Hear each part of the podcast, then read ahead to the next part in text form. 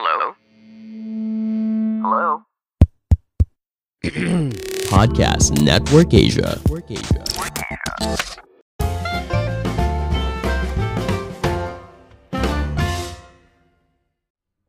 Tiga cara decluttering yang bisa membuat kita lebih hemat uang. Decluttering atau beres-beres untuk mengatur barang-barang yang kamu miliki belakangan tengah menjadi tren berkat Marie Kondo dan juga dari penulis buku lainnya. Selain bersih-bersih rumah, kamu juga bisa meredakan stres dan ternyata ini bisa menghemat uang dengan decluttering. Merapikan ruanganmu adalah cara mudah untuk menghemat uang setiap hari. Tidak salah kalau kamu membayangkan decluttering, rumah itu melelahkan. Tapi hal ini bisa disiasati dengan menyisihkan waktu setiap hari selama beberapa minggu untuk merapikan lemari atau rumah. Decluttering tidak hanya membuat rumah kamu terlihat lebih baik, tetapi juga menenangkan pikiran. Ketika rumah kamu secara visual menarik bagi dirimu, itu menjadi tempat perlindungan atau perlindungan kamu dari dunia luar.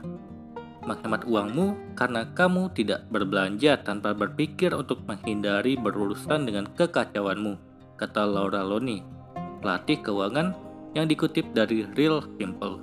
Lalu bagaimana decluttering bisa membantu kamu menghemat uang dan juga menghasilkan uang? Yang pertama, tidak perlu beli. Terkadang kamu berpikir kalau kamu belum punya benda yang kamu inginkan tersebut. Namun ketika bongkar-bongkar lemari, kamu baru sadar bahwa itu tersimpan di lemari. Decluttering menunjukkan kepada kamu apa yang sudah kamu miliki, sehingga kamu dapat menggunakan apa yang kamu miliki. Salah satu manfaat dari decluttering adalah menemukan hal-hal yang kamu benar-benar lupa kamu beli, tetapi masih bisa digunakan sekarang. Pembelian tidak akan lagi menebak-nebak. Kamu akan membuat rencana untuk membeli barang hanya ketika kamu benar-benar membutuhkannya, kata Russell Isip, ahli decluttering di New York City. Menggunakan apa yang kamu miliki atau menemukan kegunaan baru untuk barang-barang lama adalah cara yang bagus untuk menghemat uang dan menjaga ruang tetap bersih. Kedua lebih sadar kebiasaan belanja. Beberes atau decluttering bisa membantu kamu lebih sadar akan kebiasaan belanja. Ingat, belanja adalah kebutuhan. Kamu mungkin memiliki 5 sweater hitam yang sama, karena kamu membeli satu lagi setiap kali tidak dapat menemukan yang terakhir kamu beli. Dengan decluttering, kamu bisa membuat semua barang-barang kamu jadi lebih teratur. Sebelum memutuskan untuk beli sesuatu yang baru, decluttering juga dapat menunjukkan kebiasaan belanja kamu dan mencegah kamu membeli barang secara impulsif. Ketiga, jual barang-barang yang tidak terpakai. Beberapa barang mungkin masih bagus, tapi kamu sudah tak menginginkannya lagi.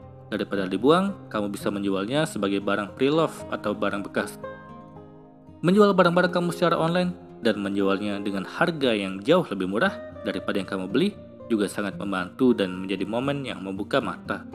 Sekali lagi, kamu akan menyadari bahwa kamu bisa menghemat banyak uang hanya dengan tidak belanja barang baru sama sekali.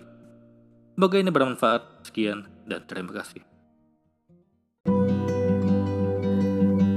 Pandangan dan opini yang disampaikan oleh kreator podcast, host, dan tamu tidak mencerminkan kebijakan resmi dan bagian dari podcast Network Asia. Setiap konten yang disampaikan mereka di dalam podcast adalah opini mereka sendiri dan tidak bermaksud untuk merugikan agama, grup etnik, perkumpulan, organisasi, perusahaan, perorangan, atau siapa pun dan apa pun.